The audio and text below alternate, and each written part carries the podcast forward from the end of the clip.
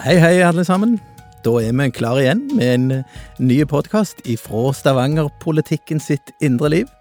Vi er samla her i eh, oss tre KrF-representantene og er klar for en ny podkast. Eh, målsetningen er den samme som alltid har vært. Vi prøver å få politikken ut til dere som, som erfarer det i hverdagen, hvordan, hvordan det virker. Så er det sånn at i dag så har vi fått med oss en gjest, og vi sikter alltid høyt når vi skal ha med oss gjester. Vi har fått med oss Sissel Hegdal Knutsen, som er gruppeleder for Høyre i Stavanger. Knutsen Hegdal. Knutsen Hegdal, unnskyld. og vår gode samarbeidspartner i opposisjon. Så hun skal vi komme tilbake til litt sånn etter hvert. Men vi går nå inn i en fase der lokalpolitikk er det som vi skal handle om i denne, i denne podkasten. Mest det framover mot, mot våren. Og det tenker jeg det er mye å snakke om da, kjenner jeg det Marie, når det gjelder lokalpolitikk? Absolutt. Eh, og så er det jo litt sånn eh, kjekt hvis folk eh, begynner å interessere seg litt for lokalpolitikken. Det hadde jo vært stas hvis vi hadde klart å fått opp litt engasjementet. For jeg tror kanskje at veldig mange ikke bryr seg. Ja, det er gjerne det kan være et poeng. At, at, og det ligger gjerne litt på oss. Ja, sant? Det er litt vårt ansvar det, å få, få, få skape det engasjementet. Du, du Ann-Kristin, du har jo et engasjement hele veien, så det er ikke noe Aldri.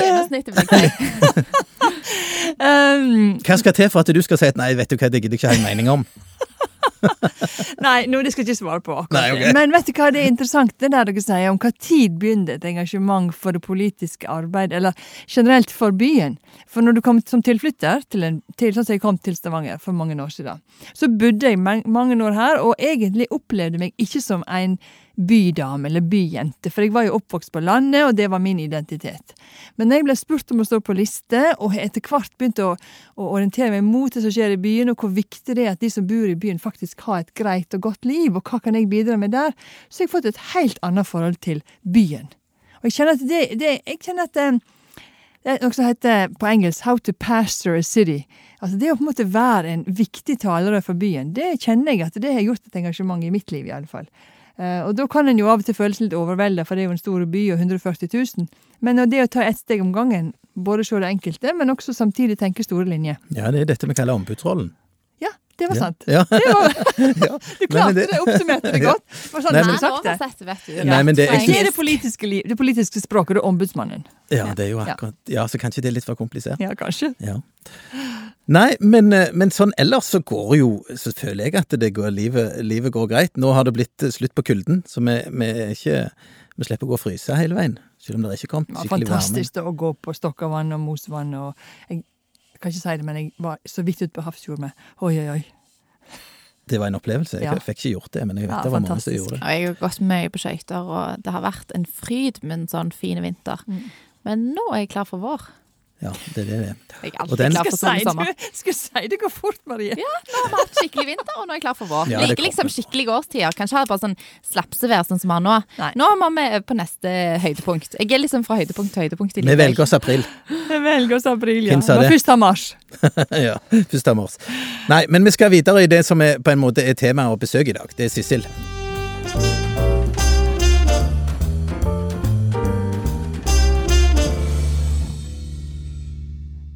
Hei, Sissel. Hallo, hallo. Veldig kjekt at du ville være med oss på, på denne podkasten. Kjekt å bli spurt. Ja, takk. Um, det er jo sånn at du representerer Høyre, som jo har alltid vært et veldig stort parti i Stavanger. og og KrF har samarbeidet veldig godt med Høyre. Og, og det, det liksom, Høyre i Stavanger har jo liksom blitt snakket som litt sånn lyseblått. Og det, det sier at en havner veldig fort i et samarbeid i sentrum.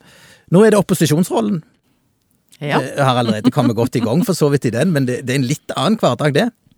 Det er en veldig annerledes hverdag. Ehm, jeg kom jo med i politikken i 2003, så, og i den perioden har Høyre alltid vært det ansvarlige styringspartiet og vært i posisjon. Så det her er helt nytt. Nå etter hvert så har vi fått halvannet år med erfaring, så vi begynner jo å bli litt erfaren i opposisjonsrollen også.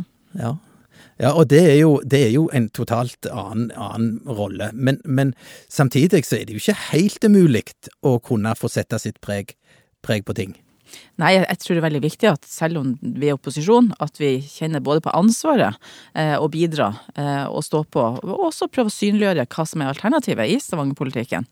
Men tidligere når jeg var i posisjon, og i forrige periode da vi begynte med mye interpellasjoner og sånn, så var jo jeg kanskje den som var mest mot interpellasjoner. Jeg syns ja, liksom virkelig at vi skulle gjøre på en annen måte. Var dere imot det? Hun var imot det. Ja, jeg, jeg, av syns ikke det. Jeg syns heller vi skulle be om saker, og jeg tenkte veldig positivt og åpen på det å be om en sak. At liksom, hvis det var noen som, eh, som hadde gode poeng, og, og at vi burde løfte fram saker og se på det, så er jeg veldig positiv til det. Stort sett, mener jeg. At jeg ønsker liksom at få det utreda og, og vurdert.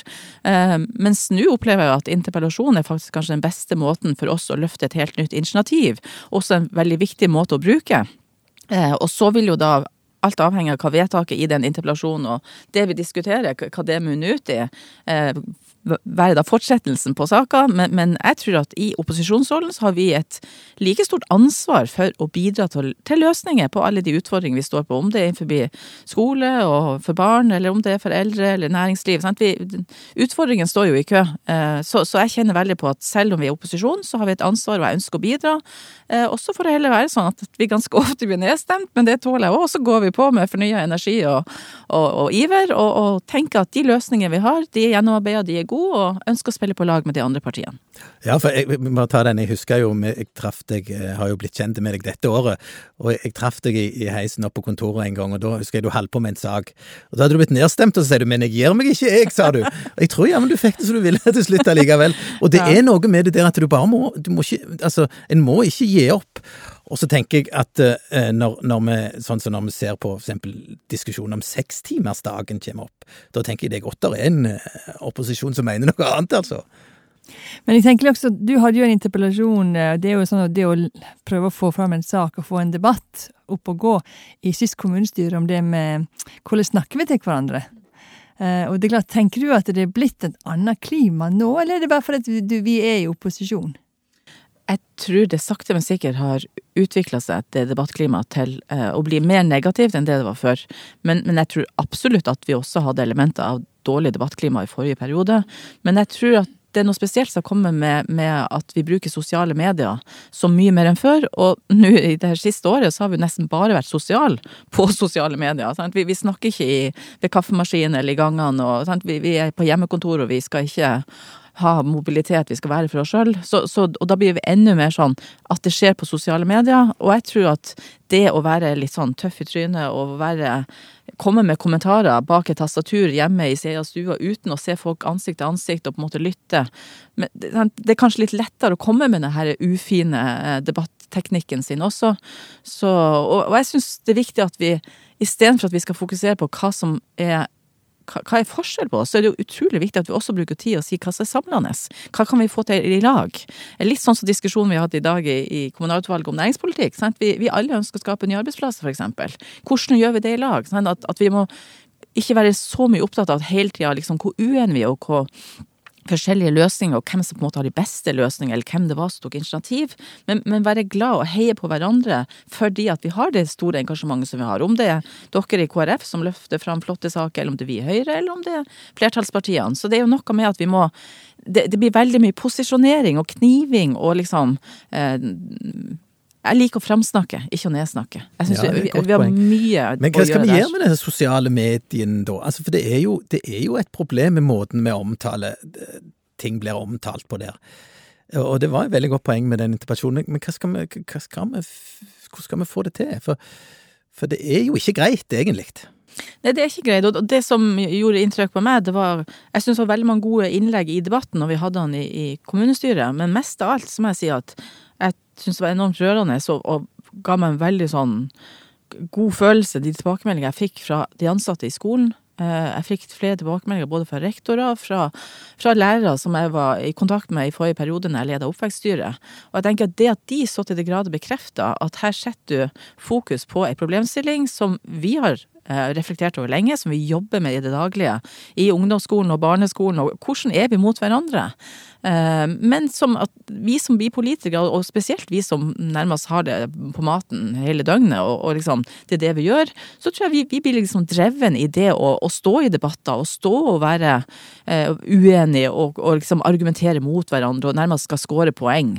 At, at det, kan, det, kan, skremme bort veldig mange av de vi nettopp ønsker å dra med inn, og som sitter med de gode løsningene, og, og også som har problemstillinger og, utfordringer som vi skal lytte til. Så, så det er liksom å klare å balansere det når, når vi liksom Hvis vi skal akseptere et veldig tøft debattklima. og Derfor tror jeg vi må, vi må tenke oss om. Ja, og jeg tenker, jeg jeg er ikke sånn som liker veldig harde debattklima sjøl. Da, da, skal det være noen spesielle saker som jeg virkelig sånn, men sånn generelt sett, det å, å ha masse meninger på sosiale medier syns jeg, syns jeg er ganske vanskelig, og det er utfordrende, og jeg ønsker ikke å være en del av det. Og det kan jo gjøre at hvis du på en måte kjenner at nei, jeg er ikke sånn, eller jeg er ikke sånn, derfor kan ikke jeg engasjere meg i politikk, og da blir jeg ute på en farlig vei. For jeg er jo blitt du, Henrik snakker om at jeg er energisk, men Sissel, altså jeg mener, for en energi! Altså, jeg blir jo lite i forhold til hun, bare så du vet det, Henrik. Men, men, hva er det som driver deg da, Sissel? Hva er det som gjør at du liksom bare Yes, nå gønner vi på, nå står vi på, nå gjør vi det beste ut av det? Jeg tror at det jeg drives av, det er å få ting til. Jeg elsker å få ting til, og, og gjerne sammen med, med folk òg, men det å klare å se at du gjør en forskjell. Eh, og jo mer du klarer å oppnå å gjøre forskjeller. Jo mer motivert blir du, jo mer eh, bensin på bålet får du også i forhold til å stå på videre. Eh, og det mangler jo ikke på utfordringer å gå løs på. Og, det er jo kanskje det største privilegiet med å få lov å ha den rollen som jeg har nå, som gruppeleder for Høyre òg, det er at nå kan jeg være fra A til Å. Før så har jeg på en måte vært en sektorpolitiker. Eh, først i de åtte årene med kultur og idrett, når jeg leda det, som var et formidabelt ansvar og fantastisk kjekt. Ikke minst når vi var europeisk kulturhovedstad. Men så ble det veldig alvorstungt når jeg skulle overta og lede oppveksten. For liksom det å vite hver dag at det ansvaret vi har for barn og unge, det som skjer i barnehagene, det skjer på skole, liksom gå og legge seg og vite at her gjør vi det maksimalt, det når vi da fikk gjort ting og satt dagsorden og jobba sammen, sant? Det, meg, det gir meg fortsatt enormt med energi, og da kan jeg jobbe døgnet rundt. Fordi at jeg har så tro på det at vi skal bidra, vi som kan. Det er ikke alle som kan bidra der ute. Men hva gjorde at du ble med i politikken? Ja, det er et godt spørsmål, fordi at jeg har ingen uh, Foreldrene mine har aldri vært partipolitisk uh, engasjert. Du kommer ikke fra en sånn klassisk høyrefamilie i generasjoner? Nei, Nei jeg, jeg, kommer tvert om fra en veldig atypisk høyrefamilie. Men, men foreldrene mine var, var, begge Pappa stemte Venstre i alle år. Uh, og derfor så stemte mamma òg Venstre. Uh, du kan si at det er ikke helt der jeg, kommer. min tankemåte er at mannen min hva stemmer han, og så gjør jeg det samme. Men, men de var alle partipolitiske. Men jeg kom til Stavanger. Jeg har alltid vært veldig engasjert i, i ungene og tenkt at det å sette de her tre fantastiske barna til livet og ta vare på de, har vært for meg det overordna. Um, sånn at når vi, kom, vi hadde en periode i Aberdeen, kom tilbake, og når ungene da hadde tre i barnehage Det er ikke mange som har tre uten at du har tvillinger. Du har det, ja. Har tre. Det, det, var liksom sånn at du har tre stykker i barnehage på små og store avdeling, du var all over der. Så gikk jeg inn i styret og var leder av eh, samarbeidsutvalget i barnehagen.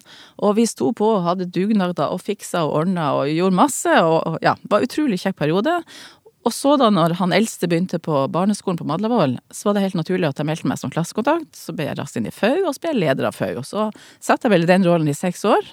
Og vi gjorde enormt mye kjekt, spennende. Um, Jobba høyt og lavt og ja, var enormt hektisk år, men veldig givende. Og vi ble kjent med alle andre foreldre, vi ble kjent med de andre ungene. Um, og så ringte Høyre. Og da var jeg medlem, jeg hadde meldt meg inn som medlem i Høyre, men var helt passiv, jeg var ikke på noe arrangement og noe som helst. Um, men da ringte jeg, og da tenkte jeg hjelp, liksom. Det var jo liksom, det var et veldig overraskende spørsmål å, bli spurt om å stå på lista, jeg syntes det var litt skummelt òg. Um, men jeg var ikke i tvil om at jeg kom til å si ja. Jeg måtte liksom bare bruke tid og overbevise meg sjøl om at det er faktisk helt ok å gjøre. Men jeg tror nok da hadde vi sittet i driftsstyret på, på Madlavoll eh, i sak etter sak, som jeg visste skulle videre til det, som var KKI, som var på en måte skolestyret den gang. Eh, og irriterte meg over at de hadde kunnskap nok og måte ikke så eh, kompleksiteten og helheten som jeg opplevde som FAU-leder, og som hadde nær kontakt med både med rektor og de ansatte. og liksom, Vi hadde jo også en ATO-avdeling på Madlavoll, så jeg så jo hele kompleksiteten i, i den, det skoletilbudet vi skulle stå for. Og jeg var ikke fornøyd. Så jeg, da tenkte jeg at selvfølgelig må jeg da bidra og si ja. Så kult. Ja. Det høres jo ikke ut som du hadde på en måte Det høres ut som engasjementet kommer veldig naturlig. Ja, jeg har i ettertid tenkt på hvorfor i verden gjorde jeg ikke det før? Hvorfor i verden gjorde jeg ikke det som studentpolitiker, eller Men, men da var det liksom, når jeg var student, så var jeg veldig opptatt av av eh, Vi, vi trente masse. Jeg starta Aerobic-instruktør, ja, vet jeg jo. Da starta jeg og venninna mi starta aerobicen på Universitetet i Tromsø. eh, Og holdt eh, ni timer i, i uka med, med bøy og tøy, hopp og sprett, og fikk ut masse energi gjennom det. Så, så jeg var aktiv på den måten, hadde masse ulike jobber og, og fikk masse erfaring. Men jeg tenkte aldri på politikk. Men i ettertid så, så vet jeg at liksom, det er helt naturlig for meg å gå inn på den veien, og aldri angre. Aldri snudd meg seg tilbake. Men når det er sagt, så er jeg jo enormt takknemlig for alle de mulighetene og vervene jeg har fått lov å bekle på vegne av Høyre. Eh, Så, så er jeg jo veldig sånn Det er ikke gitt å få så mange tillitsfulle verv. Um, så jeg husker når, Leif Jan Sæveland kom og spurte meg, og Kristine Sagen Helgø i, 2007, om jeg kunne tenke meg å ta lederansvaret i kulturstyret. Eh, og så var det liksom bare tre måneder til vi skulle bli europeisk kulturhovedstad i 2008. Det var høy lærekurve, og da tenkte jeg bare at wow, liksom, for en ære å få lov å, å bli spurt om det. Så ja. Jo, men politikk handler jo om å våge det, altså. Du, Det du må det. våge litt. Ja. Du, for, det- og det tror jeg er helt rett, så det har du gjort, da. Det, men du, Sissel, la oss komme inn på altså Du snakker litt om, om dette med løsninger, og, og andre løsninger. og Det er ikke tvil om at det, når en er i opposisjon, så, er det, så må en jo på en måte jobbe fram det som en mener er bedre alternativ, og prøve å skape litt sånn bredde rundt det. Hva hva tenker du om det? Altså, Nå kjenner jo du sikkert skole veldig godt, eh, siden du har vært leder der og alt det der. Hva, hva tenker du at vi som opposisjon skal liksom, eh, innenfor det da, satse på? Eh, forskjeller i forhold til det som blir gjort i dag? Jeg tenker at eh, innenfor skole så er det det, det, det er kanskje det viktigste området av alt. Eh, og så er det jo sånn at for at vi skal kunne satse på skole, så må vi lykkes med en del andre ting som er nødvendig, blant annet eh, gode arbeidsplasser og god næringspolitikk, sånn at, at Stavanger faktisk er en kommune med, med gode skatte, eh, skog, skatteinngang, og at vi faktisk har de ressursene vi trenger. Men, men for meg så handler det her om ganske knallharde prioriteringer i forhold til det å satse på barn og unge. Jeg, jeg kan ikke tenke meg noe mer meningsfullt og viktig enn å gi hver og en av de, de barna som er i Stavanger, de, de beste forutsetningene for å, å ta vare på seg sjøl. og, og på en måte gi dem det grunnlaget og det fundamentet som de trenger for å, å leve videre. Eh, så skole vil alltid være en av, av hjertesakene mine. Eh, og så er det jo sånn at jeg tror at vi har en fantastisk Stavanger-skole i dag, så, så jeg er ikke opptatt av å gå inn og reformere eller å endre eller å prøve liksom å Men, men skolen er jo veldig tydelig sjøl på at de har masse utfordringer, ikke minst f.eks. om psykisk helse.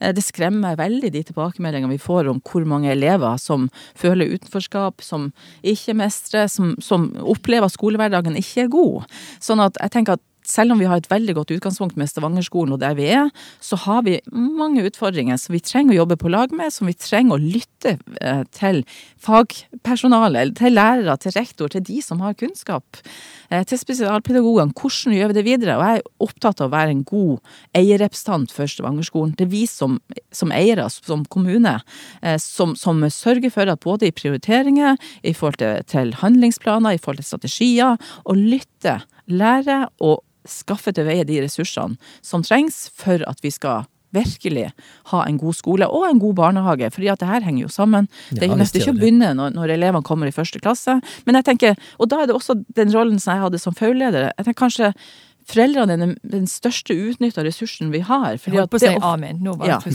for, for å få foreldrene med inn og trekke på lag, og at de bidrar ikke bare på sine egne barn, men, men også for de andre barna som kanskje ikke har de samme ressurssterke foreldrene som, som, som er en litt mer utfordrende situasjon. Hvordan hjelper vi hverandre? Og det var jo det som var givende de seks årene jeg leda det arbeidet på Matlava skole, og se hvordan vi stilte opp for hverandre. Ja, For her er du inne på noe sentralt. Altså, Det går an å gjøre mer ting i et samarbeid enn det en gjør, kanskje. Ja. Og jeg tenker nok, husker du at vi, vi snakket om det litt sist gang, tror jeg, det her med at nå var det en sak i oppvekst i, i for eh, sist, sist møte om foreldresamarbeid og skole, og det diskuterte vi masse i forrige periode, for da satt vi i lag i oppvekst. Jeg er veldig opptatt av foreldrene. Jeg faktisk mener det er en vanvittig ressurs som vi ikke utnytter i utrolig mange sammenhenger. Ikke bare i skolen, men generelt. Og det er jo de som holder heimen sammen. Det er de som på en måte er de viktigste personene for våre barn. Så det er kjempeviktig. Men klart, tenker du, når det gjelder sånn tiltak og sånn forskjellige ting, så har vi snakket litt om det med en en, en ting er tiltak som gjelder alle. Vi kaller det gjerne for universelle ordninger. At liksom da er det på en fjøl alle får den samme. eller tenke behovsprøvd i forhold til ulike behov som gjerne en familie eller et barn eller noen bestemte grupper har. Hva, hva, hva er ditt, ditt og Høyre sitt syn på dette? Nei, vi, vi, har jo på en måte fått det veldig tydeliggjort nå, f.eks. Med, med det nye flertallet sin satsing på gratis SFO. Eh, I forrige periode, når, når, vi, Høyre og KrF og de andre partiene samarbeidet, så hadde jo vi en ordning som gikk spissa mot de familiene som er det vi betegner som lavinntektsfamilier. Og da satte vi grensa i var vel i 2018-budsjettet på 675 000. Hadde du som samla familie lavere inntekt enn det, så fikk du gratis SFO. Og så har jo regjeringa vår ytterligere lagt på der, sånn at, at det taket er blitt løfta. Eh, og en av visjonene til det nye flertallet har jo vært at det skal være såkalt universelt. Dvs. Si at ingen skal betale for SFO, og det gjelder kun for første klasse. Men prislappen på det er 30 millioner. Og det er klart at da må du spørre deg sjøl, er 30 millioner den ressursbruken? Hvis du har ubegrensa ressurser, så selvfølgelig er det et gode eh, å si at, at, SFO skal være gratis for alle. Og hvis du da skulle utvide til andre, tredje og fjerde klasse, så med en prislapp på 30 millioner på første klasse, så er vi kanskje oppe i en ja, plass mellom 70 og 100. Ja, det, jeg har ikke sett det regnestykket. Men, men, det er klart at hvis du skal utvide det, så snakker vi om betydelige beløp. Eh, og min erfaring fra å være i lokalpolitikken, når vi, når vi snakker om sånne beløp, bare for ett gode som skal gjøres tilgjengelig for alle, for det er jo det vi snakker om med, de universelle. På samme måte som barnetrygden f.eks. er en ordning som er for alle. Det er ikke behovsprøvd. Alle får det. Men hvis vi på område på område, så snakker vi om en enorm Eh, ressursbruk i en situasjon der vi vet at ressursene blir knappere. Og da tenker jeg at det gjelder å prioritere enda mer nøye, enda mer spissa mot de som trenger kommunen mest av alt. Og de som trenger kommunen mest av alt, er f.eks. ikke eh, de som har over en million i inntekt, eller to millioner, sant? de er veldig godt rusta til å betale den SFO-en sjøl. Men den mora som er alenemor, og som har lav inntekt, og som kanskje har en utfordring med, med sønnen som har en diagnose, eller sjøl har et rusproblem Vi har så mange grupper som har så store hjelpebehov. Da vil jeg heller gå inn målretta og bruke de ressursene mot de gruppene, om det er barnevern, eller om det er ruspsykiatri, eller om hva det skulle være, sånn som f.eks. PPT, alt det fantastiske tilbudet de gjør for barn i barnehage. Et, de har snakka om tidlig innsats, sant? det å gå inn og hjelpe med en gang da kan du ikke ha universelle ordninger. Da kan du ikke ha ordninger som skal omfatte, for vi har rett og slett ikke råd til det. Nei, og så er det noe med at, at altså, statlige ordninger kan godt være universelle, men, men, når du kommer på kommunalt nivå, så har en ganske god innsikt i kommunen. Det er jo de som sitter nærmest på innbyggerne. Så hvis det er noen som skal kunne gå inn og gjøre sånne differensiere, så må det jo være en kommune. Har jo absolutt anledning til det. Og så bare bringe én ting til på banen, for det er én ting som jeg stusser på alltid når det gjelder sånne eh, gratisordninger, for å kalle det det, da. Eh, det er jo en tjeneste som kommunen produserer. Eh, og det er klart skole er gratis, helse er ikke gratis, men, men, eh, men ikke akkurat plass på sykehjem, da. Men, men, altså, og det er jo noe med det. Skal, skal vi holde på å produsere gratis tjenester? Jeg føler det er noe der òg, jeg, altså, som ikke er helt men, det er noe med hele hele måten vi, vi, organiserer arbeidet på også. For en av de tingene også, det har jeg ikke nevnt for dere, men når jeg var fagleder på Madlevål, så, så, gjorde vi også noe, vi foreldre på SFO. Eh, vi hadde, jeg tror vi hadde ti ulike aktivitetsgrupper som jeg som fagleder og med mine klassekontakter organiserte. Vi hadde ungdom som kom fra Stavanger turistforening og hadde ungdomsuka. Så gikk bort til Ulandhøgskogen og hadde unger med og lærte å tenne bål og ja, alle de her Vær varsom-reglene du skal kunne. Vi hadde drama, vi hadde pensjonistdamer fra saniteten som kom inn og lærte brodering. Vi hadde eventyrstund, vi hadde ned på skøytebanen. Vi hadde en rekke tilbud. sånn at SFO var der. Men så kom vi som foreldre og hentet dem ut. Og og, bidro med frivillig innsats, fordi at vi hadde lyst til å løfte inn et tilbud som var bedre enn det det var. Det, det var utrolig artig. Det var kjempetravelt. Men, men klart at vi kan jo bidra inn, vi som foreldre også. Det må jo ikke være sånn å si at SFO er et kommunalt ansvar, og det det er. Sant? Vi er pensjonister. Vi hadde flere pensjonister som kom inn og bidro. De syntes det var helt fantastisk å få lov å ja, spille en rolle en gang i uka. Det er det samspillet der. Du har ja. noe å glede deg til her, Marie. Du skal, ja. altså, du, du skal, jo gå denne her skolen her når du Ja, jeg sitter, jeg sitter og tenker at jeg skulle filler jeg skulle ha meldt meg som klassekontakt, for her kunne jeg jo fått til veldig mye. Veldig inspirerende, Sissel. Det må jeg virkelig si. Det der å ta tak. Eh, jeg har nok opplevd for mange ganger eh, at vi sitter og skal velge en foreldrekontakt eller en, et eller annet engasjement skal bekles, og så sitter alle og stirrer i bakken, og ingen vil påta seg det. Men her å høre noen som ivrig har gått inn i sånne type oppgaver, det syns jeg er rett og slett forbilledlig. For, eh, for, det er veldig mange som stirrer i bakken når sånne, sånne ting skal gjøres. Eh, men en får jo til ofte kjekke resultater med å rett og slett gå løs på, på sånne typer engasjement. Og så akkurat nå har jeg fire unger under seks år, så jeg kjenner at det, kreftene kommer nok etter hvert så de blir bitte grann eldre òg. Så jeg, jeg, jeg, har det bak i bakhodet på alt dette her, Ja, så jeg skal inn i. Men jeg bare tenker litt, de, de, eksemplene du har, Sissel, på dette med frivillighet inne i et annet offentlig tilbud. Nå har vi sendefrivillighet, vet du. Da er vi i gang. Ja, men det er så utrolig viktig. Tenk, Hvordan skal vi klare å utnytte dette, denne ressursen? Så, men det, da må noen ta et tak, og noen må organisere det. Og det der tenker jeg er vanvittig dynamikk Og så i det der. tror jeg at kanskje at vi er litt i endring som samfunn. For jeg tror kanskje at den der dugnadsånda og det der eh, villigheten til å på en måte sette av mye fritid, den tror jeg kanskje er litt sånn på nedadgående trend. Jeg vet ikke, men eh, men jeg tror at det, det er enormt viktig, og jeg tror at de som velger å gjøre det, jeg tror at det oppleves vanvittig meningsfullt. Og så må en jo da møte den offentlige offentlig SFO-en, i dette tilfellet, og skolen. At de er positive til at noen kommer og blander seg. For det er jo noe med det òg, at eh, hvis noen kommer og har lyst, så er det ikke alltid at det er en er positiv til at en skal blande seg inn i det som er lærerens arena, eller SFO-en sine ansatte sin arena, osv. Men folk, det, forskning viser jo at det å engasjere seg, eller det å bidra, det skaper god folkehelse. Det skaper god helse. Og at ikke bare den som gjør det, men den som tar imot, begge to opplever en enormt synergieffekt av det. Så jeg tenker dette må vi bare framsnakke mer. Og se på den muligheten. Og du er et godt eksempel på det, Sissel. Jeg er virkelig helt enig med Marie. Det, det er imponerende. Det som var artig å se, det var jo når jeg da stilte på lista i 2003 òg, det var jo at du kan jo gå inn og se hvilke kretser du har fått stemme. Eh, Og det var jo ingen hemmelighet at det- var Madlemark krets. Alle de foreldrene som hadde da kjent meg og visste mitt engasjement og hadde liksom jobba på lag og, og sånt. Det var, det var jo der stemmene mine var. Det var jo ikke fordi at jeg er født i Stavanger og har et stort nettverk med familie og sånn, men, men det var foreldrene som heia meg inn. Og det har jeg alltid kjent på også, at det var skole som fikk meg inn i politikken. Det var fordi at jeg hadde et så stort engasjement og ønska å gjøre en forskjell der. Eh, og det var på en måte, og det kjenner jeg veldig på også, at den tilliten som er gitt, og som da har fått lov å utvikle seg og fått større oppgaver, og bare egentlig tulla på seg mye med det som jeg noen gang hadde en, plan med. Det var, det var liksom aldri en langsiktig plan med at dit skal jeg nå. Eh, Men, men det at foreldrene ville det, at, de ønska at jeg skulle representere dem, det, du skal stoppe opp og tenke litt på det også. Så, så jeg har veldig mange gode minner akkurat på det, og det er det også jeg kjenner er er en veldig sånn god plattform, eller et godt dekke å stå på som politiker, og det at du har gjort mye forskjellig. sant? Og det Ungene var viktig, eller har alltid vært veldig viktige, og de var veldig aktive i idrett.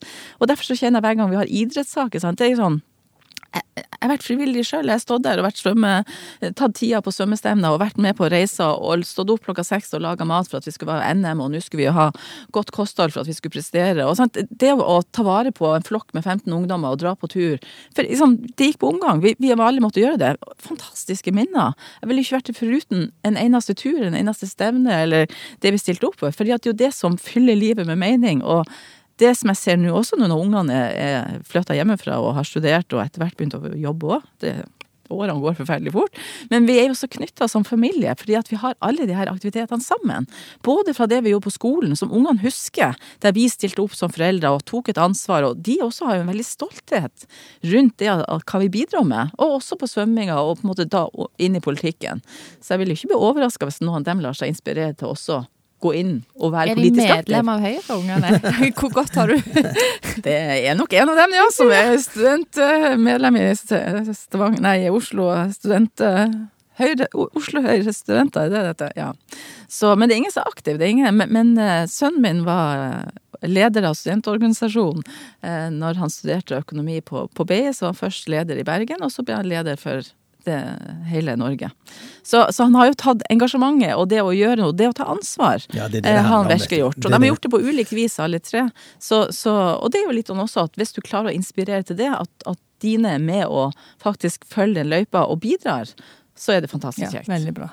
Dette, dette er liksom en sånn en ting som jeg tror bare vi skal ta med, ta med oss i det videre arbeidet. For, for å få, det, er jo ikke å få dette inn i eksempel en kommuneplan, hvor, hvor det liksom skal stå skriftlig hvordan Det er jo ikke bare bare. sant? For Å lage den formuleringen som gjør at en administrasjon forstår at det sånn skal vi jobbe i forhold til frivilligheten og samarbeid med, med foreldre, for eksempel, i skole. Men dette sier, vi har iallfall fått fram godt i dag hvor viktig det er helt avgjørende for, for ungene sin utvikling. Det, det offentlige vil aldri kunne klare å løse alt.